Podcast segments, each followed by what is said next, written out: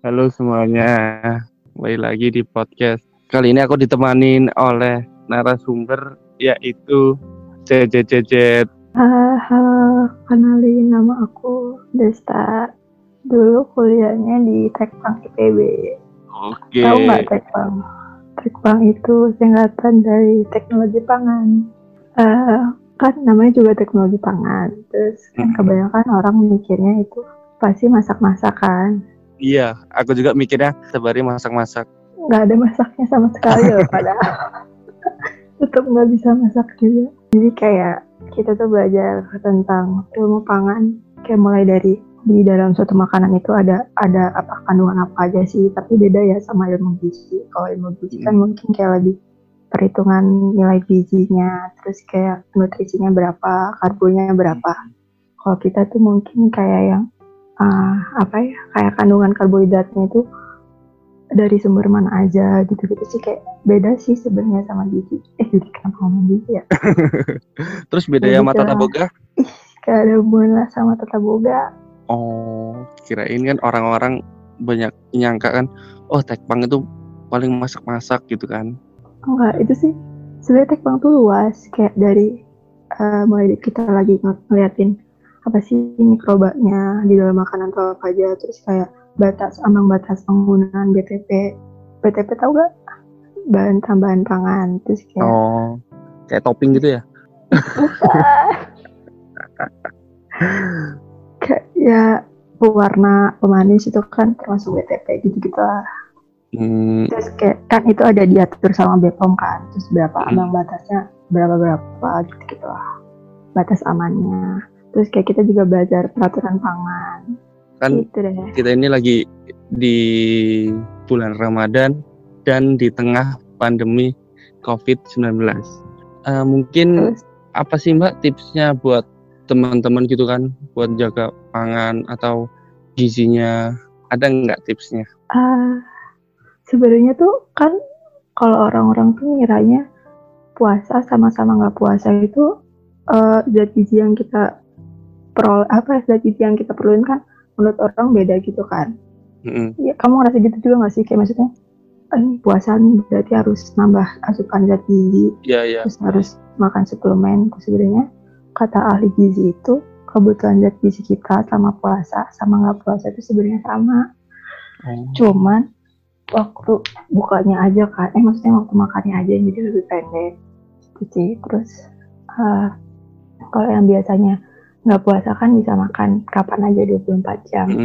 Terus kalau ini kan cuma bisa makan dari maghrib sampai sahur sebenarnya kayak nggak ada nggak ada perbedaan zat gizi yang kita butuhin sih sama puasa atau nggak puasa Kan banyak kan orang tuh habis azan maghrib itu langsung digas makan gitu kan. Itu sebenarnya Mm. kayak mana sih? Ah, apa ya sebenarnya tuh aku tuh nggak nggak seberapa ngerti banget ya sama urusan gitu gitu kan. Tapi yang penting kayak aku menjelaskan enggak menjelaskan juga sih kasih tahu apa yang aku tahu aja sih. Jadi tuh malah katanya kan kalau misalnya kita puasa juga kan dianjurin itu makan yang manis-manis. Mm-mm. tapi itu sebenarnya malah nggak diboleh nggak dianjurin gitu loh. Karena karena tuh makanan yang manis itu malah bisa melemahkan sel darah putih kita jadi malah sebenarnya dianjurin tuh nggak boleh buka yang manis-manis sama yang terlalu berat harusnya tuh eh, kan kadang kita kalau puasa juga tuh langsung buka pakai yang manis-manis terus langsung makan Mm-mm. yang banyak itu sebenarnya kan juga nggak baik buat lambung karena kan lambung kita tuh udah disirahin diistirahatin kan jadi tuh kayak dia tuh nanti kaget lambungnya kalau tiba-tiba makan banyak terus kayak makan Oh. manis-manis dengan makan yang manis-manis nanti kayak kita jadi nggak memperhatikan tuh di seimbangnya. Padahal tuh yang buat tubuh kita sehat kan kalau asupan nutrisi yang kita makan juga kan seimbang. Nah hmm, kalau untuk makanan yang dikonsumsi selama puasa biar gizi seimbang tuh sebenarnya eh, nggak jauh beda sih sama yang eh, sama ketika puasa. Cuman tuh cuman diatur aja. Kayak misalnya waktu bukanya makan apa terus nanti sahurnya makan apa gitu. Yang paling nggak dianjurin waktu berbuka itu adalah makan makan apa coba? Makan apa coba yang nggak dianjurin waktu buka puasa? Sama sahur. Makan temen. Itu sih. Sama bulan Ramadan juga ya. Jadi tuh kalau kita lagi buka puasa sebenarnya nggak buka puasa juga sih. Waktu sahur itu hindarin makan gorengan. Hmm, Nah, ya banyak banget tuh kalau buka puasa bersama kalau nggak lagi di rumah tuh kadang kan dibikinin gorengan gitu kan habis minum langsung makan gorengan Nah, sebenarnya gorengan itu eh coba aku tanya dulu itu gorengan sebenarnya baik apa enggak? enggak sih kalau menurutku karena aku Kenapa? gitu lihat Kenapa nggak sehat? karena minyaknya banyak Hmm, oke. Jadi tuh di dalam gorengan itu tuh banyak kandungan lemak trans. Hmm, ya Trans. boleh sih lemak lemak lemak sih ya. Jadi lemak trans itu sebenarnya lebih jahat dari lemak yang biasa-biasa kita makan Hmm, hmm. sehari-hari itu. Itu yang paling nggak boleh. Makanya eh, gorengan itu karena tuh kan biasanya kita tuh kalau makan gorengan pakai minyak yang udah lama lama dipakai gitu kan maksudnya kayak habis dipakai dipakai ulang dipakai ulang. Itu namanya minyak trans. Jadi itu kayak minyaknya itu udah ada perubahan struktur kimianya dari asam lemaknya oh iya iya. Minyak jelantah. ya betul. Ya gitu. Jadi udah tahu kandungan lemaknya tinggi apalagi lemak trans lagi. Lemak trans itu kalau nggak salah ya dua kali atau berapa kali lebih jahat daripada lemak yang baru biasa kita buat goreng-goreng gitu. Hmm, hmm. Terus nih mbak kan kita lagi di tengah pandemi covid-19 tuh. Ada nggak kayak kita itu harus mengonsumsi buah atau yang buah-buahan yang mengandung vitamin C atau Hmm. menjaga imun gitu ada nggak? hmm, bentar. Kalau buah-buahan itu sebenarnya semua buah-buahan itu baik ya. Dan soalnya itu kan kalau buah itu selain kandungan vitaminnya tinggi sama eh, dia tuh gulanya masih gula alami gitu loh.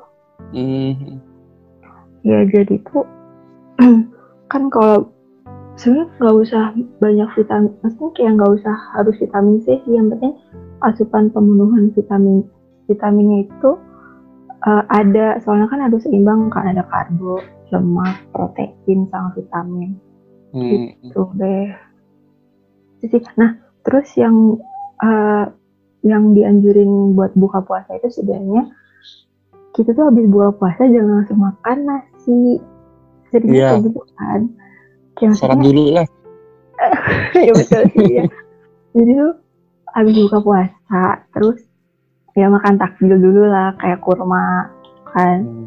terus baru habis sholat itu makan nasi terus kan kalau dari nih kan tadi di awal kita bilang kan sebenarnya gula itu bisa melemahkan sel darah putih. Yang kita tahu sendiri Hmm. sel darah putih itu bisa nyiptain antibody. Kalau misalnya sel darah putihnya aja lemah gimana sistem imunitas kita itu bisa terjaga gitu loh. Jadi daripada minum teh manis atau gorengan waktu buka itu mending pakai kurma atau enggak jus buah gitu. Tapi jus Hmm. buahnya jangan ditambahin gula lagi. Nanti udah ditambah Kalau gula. jagung gimana? gula jagung hmm, boleh sih tapi kan rata-rata orang nggak pakai gula jagung nggak maksudnya kayak eh, apa sih kayak jarang gitu loh orang yang pakai Aku, aku sekarang lagi mengkonsumsi gula. oke deh Terus apa lagi ya? hmm, apa ya aku juga tuh mau bilang apa lupa Karbohidrat yang cepat habis mbak apa kira-kira? Kayak pisang itu? Eh, oh iya, jadi tuh kan kalau kita lagi puasa, itu kan kita nggak, ah, maksudnya kayak kita membutuhkan nutrisi kan, maksudnya kayak yang kalau hari-hari biasa lagi nggak puasa, itu kita bisa makan kapan aja kalau kita lapar.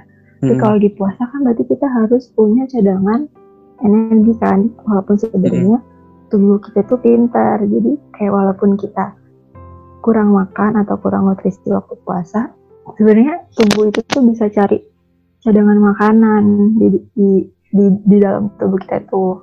Tapi daripada memperberat kerja tubuh, mending kita kayak konsumsi makanan-makanan yang seratnya tinggi karena kan kalau seratnya tinggi itu tuh dia Contohnya apa mbak yang makanan serat tinggi gitu kan? Hmm, contohnya serat tinggi itu kalau buah-buahan bisa dari pisang. Hmm, hmm, hmm. Terus apa? eh Terus kalau nasi, nasi sering dengar kan kalau nasi merah itu baik buat kesehatan, terus kayak buat jaga berat badan. Mm-mm. Sering dengar gak? Iya, aku lagi mengkonsumsi. Nah, iya. Jadi tuh untuk nasi merah itu karena seratnya lebih tinggi, jadi dia tuh kenapa makanan yang mengandung serat itu baik karena dia itu bisa memper, memperlambat memperlambat kerja lambung tuh buat memproses makanan. Hmm. Oh, jadi makanya kalau kita makan serat itu tuh kadang kenyangnya terasa lebih lama gitu karena yaitu sistem kerja lambungnya itu diperlambat kayak untuk memproses memprosesnya itu lebih lambat jadi ngerti gak sih aduh aku ngomongnya muter-muter ya ngerti kok, ngerti kok. Dikit-dikit. Oke, siap. terus, Terus, kalau lagi sahur tuh ini kita ngelencong-ngelencong aja ya makanan sahur Nggak apa-apa sih, soalnya kan penting tips-tips buat jaga ini makan waktu puasa. Iya, terus kalau waktu sahur itu sebenarnya kita tuh dianjurin buat konsumsi banyak yang banyak cairan sama yang buat kita yang lebih lama. Jadi kayak lebih kesimpan energinya lebih lama kan di dalam tubuh. Minum pokari mungkin ya. Eh, minum pokari, mau minum pokari sahur-sahur. Jadi gitu. eh, pertama itu kita harus kalau sahur nih harus makan karbohidrat kompleks. Tahu nggak karbohidrat kompleks? Apa tuh? Karbohidrat kompleks itu ya tadi contohnya yang punya serat kandungan seratnya tinggi kayak nasi merah, ubi, kentang. Ya jadi tuh masih ingat nggak pelajaran IPA waktu SMA? Apa tuh? Karbohidrat itu dibagi jadi dua, karbohidrat kompleks sama karbohidrat sederhana. Aduh, saya mendadak jadi anak IPS. Jadi gini, kayak kita harus tahu dulu nih teorinya kalau karbohidrat sempurna itu dia juga bisa disebut sama glukosa atau gula. Jadi Hmm. semakin banyak kita mengkonsumsi karbohidrat sederhana, itu tuh kayak uh, semakin cepat dia tuh diubah jadi energi. Sedangkan kalau karbohidrat kompleks, dia itu kan karbohidrat kompleks itu contohnya polisakarida, disakarida. Jadi sebelum diolah jadi energi, dia itu dibentuk, dia tuh dipecah dulu jadi karbohidrat sederhana. Gitu, makanya dia bisa menghasilkan energi itu lebih lama. Maksudnya kayak sistem kerja lambungnya itu di, diperlambat itu, jadi kita Hmm. rasanya lebih kenyang. Gitu, gitu lah kurang lebih gitu ya. Kadang-kadang kan jam 12 siang itu udah, aduh lapar. Hmm. Oke oke. Terus kalau kalian tadi kan kayak dilihat dari serat tingginya itu kayak nasi merah, ubi, kentang itu udah pasti seratnya tinggi. Mm. Kalau untuk sayur-sayurannya itu tuh kita bisa mengkonsumsi kayak sayur kol, brokoli, terus kacang Sayur kol. terus ada jagung, kacang-kacangan dia tuh seratnya tinggi. Itu kalau dari Oke, oke, sayur-sayurannya. Kalau Jadi kan- dari Buah-buahan. nih kadang kan santan itu bagus nggak sih? Kayak Santan. buat buka gitu. Eh, aku tuh lupa ya teorinya. Kayak pernah baca ada perdebatan sih antara baik atau enggak. Kayak santan bentar. Eh, aduh lupa takut salah jelasinnya. Soalnya kayak kalau belum tahu penjelasannya kayak takut salah gitu. Soalnya kan banyak nih orang awam gitu kan. Kayak asal makan gitu kan. Apa-apa Hmm. kalau buka itu langsung diembat gitu. Iya, terus tuh nggak boleh kan emang kasihan tuh lambungnya udah puasa, udah nggak dia nggak makan selama beberapa jam, terus kayak langsung langsung banyak deh makannya. Terus Kan lagi? juga kan kita dianjurkan minum 8 gelas setiap hari. Hmm, betul. Jadi kan ya itu betul banget tuh kalau misalnya minum kan. Jadi tuh kalau kita lagi puasa nggak mungkin kan kalau nggak ada dehidrasi terus kalau dehidrasi itu Mm-mm. Pasti ya karena kan kita nggak ada cairan yang masuk ke dalam tubuh. Nah, ke yang kita tahu juga kalau misalnya sehari itu kan minimal kita tuh harus minum 8 gelas air per hari. Mm-mm. Jadi tuh minumnya aja tuh secara bertahap misalnya kayak habis buka puasa segelas, terus terus sambil nyemil sambil mm, nonton TV apa main HP minum lagi. Mm. Pasti bisa lah, pasti bisa dari maghrib sampai sahur tuh nggak mungkin sih 8 gelas nggak terpenuhi kayaknya sih. Tapi bisa juga sih nggak terpenuhi Tapi ya Oh, iya. harus sih, maksudnya bertahap gitu. kandungan di apa kelapa gitu kan mungkin baik nggak mbak buat cegah dehidrasi Kandungan di kelapa. air kelapa Oh, air kelapa. Iya, kalau menurut aku sih itu baik ya, karena kan kayak kita tahu sendiri aja minuman-minuman yang ada di pasaran kan kayak hidrokoko, hidrokoko gitu kan. Mm.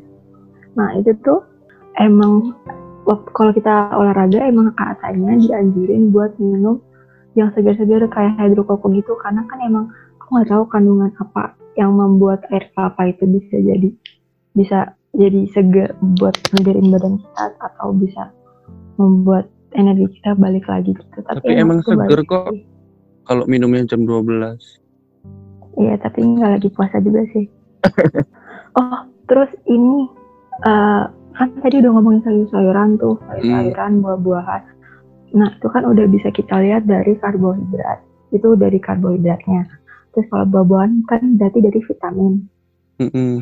Terus kita belum ngomongin protein nih, kan tempe ya mungkin dong. Hmm, betul, tempe juga boleh. Jadi itu Tapi- apa? Tem- gorengan kan nggak baik nah tempe goreng itu Oh. gimana tuh tempe goreng. Hmm. Sebenarnya itu kenapa gorengan itu jadi eh, jadi nggak baik itu karena minyak yang kita pakai udah terhidrogenasi gitu loh. Mhm.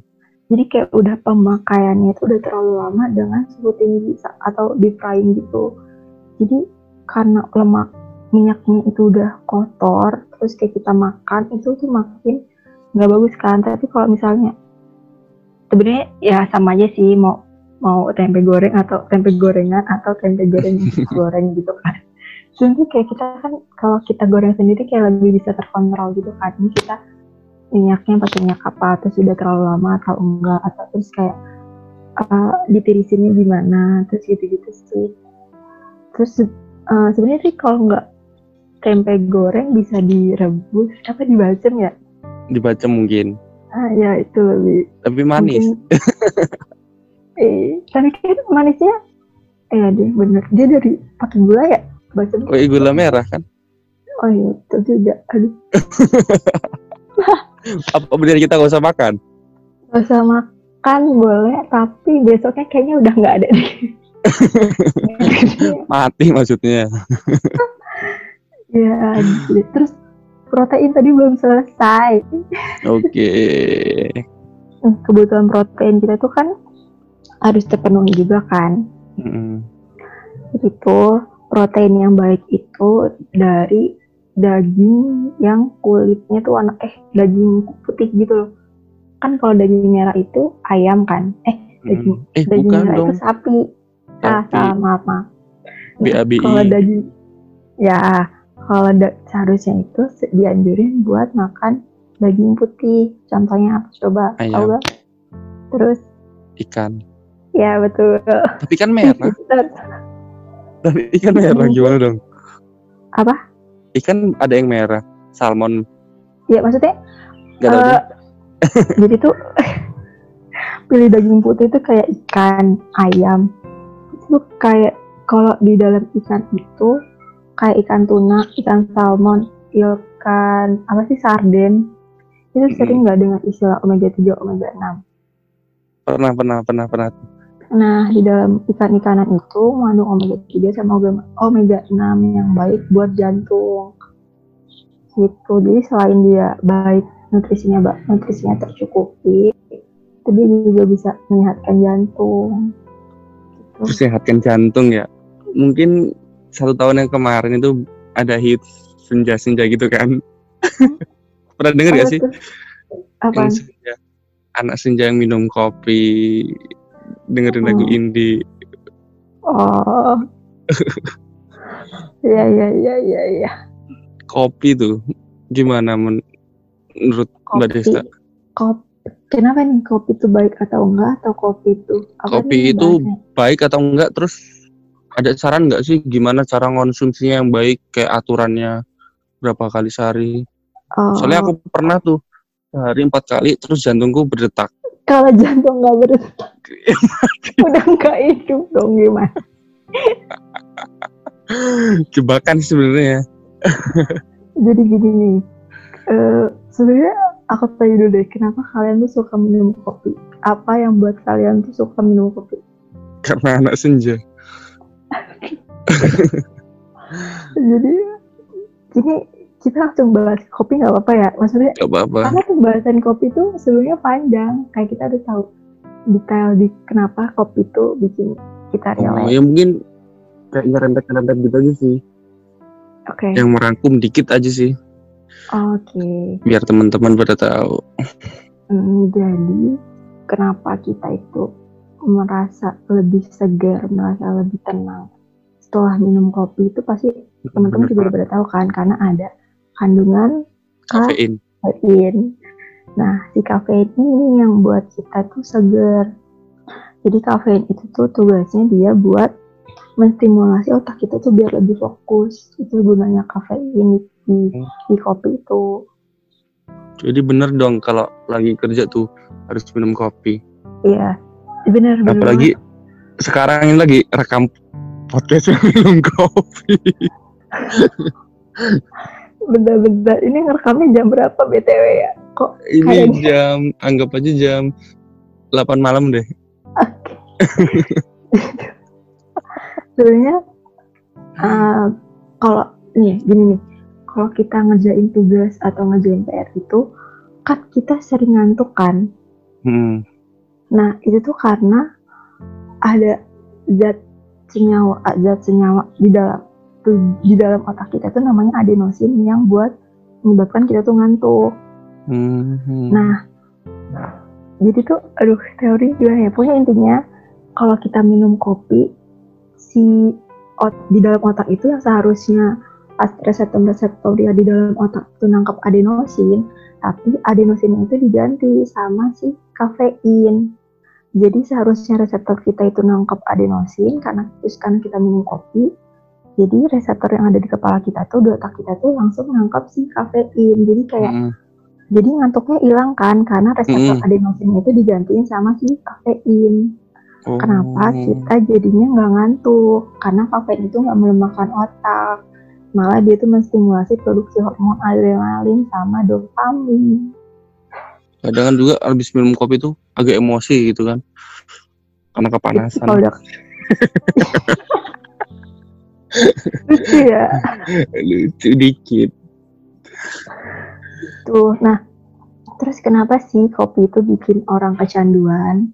Karena Kenapa? menurut menurut ahli itu si gitu kan si kafein itu bisa ngaktifin hormon adrenalin sama hormon dopamin yang ada di otak kita kan. Mm-mm. Nah, menurut para ahli, hormon dopamin itu tuh yang membuat kita tuh kecanduan terhadap kopi. Oh. Tapi- Se- Sebenarnya tuh kopi itu nggak apa-apa, nggak jahat. yang maksudnya jahat kayak- itu Yang jahat itu ya adalah